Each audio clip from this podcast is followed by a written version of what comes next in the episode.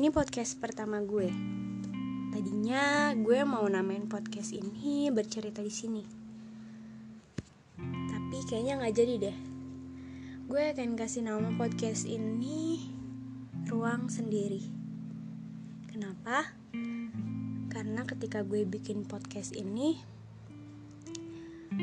gue mau ini jadi ruang untuk self healing untuk menyembuhkan diri sendiri dengan cara gue bercerita, gue nangis, gue marah, gue ngeluh.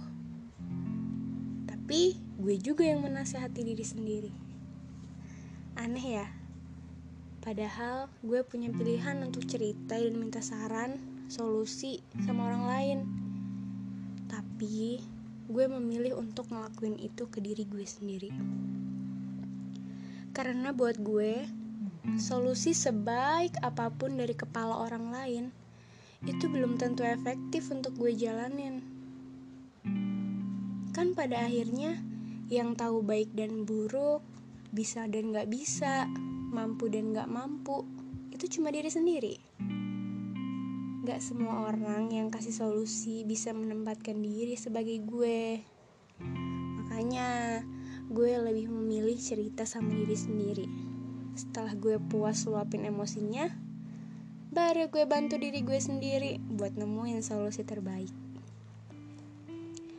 Ya, bisa dibilang gue hancur di depan diri gue sendiri dan gue yang memeluk diri gue sendiri.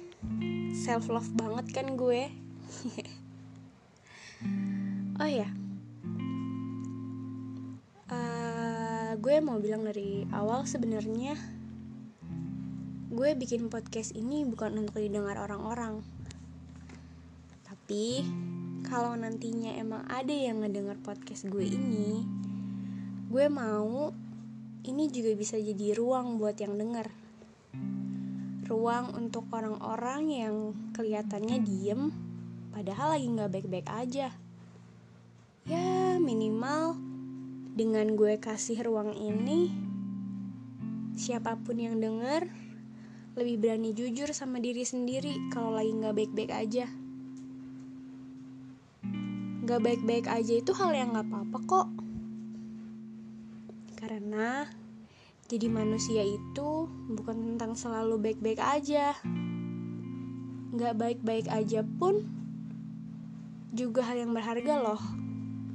Jadi Nggak usah takut, nggak usah malu, nggak usah ragu buat ngakuin kalau diri sendiri itu lagi nggak baik-baik aja. Dan kalau emang lagi nggak baik-baik aja, tenang, lo nggak sendiri.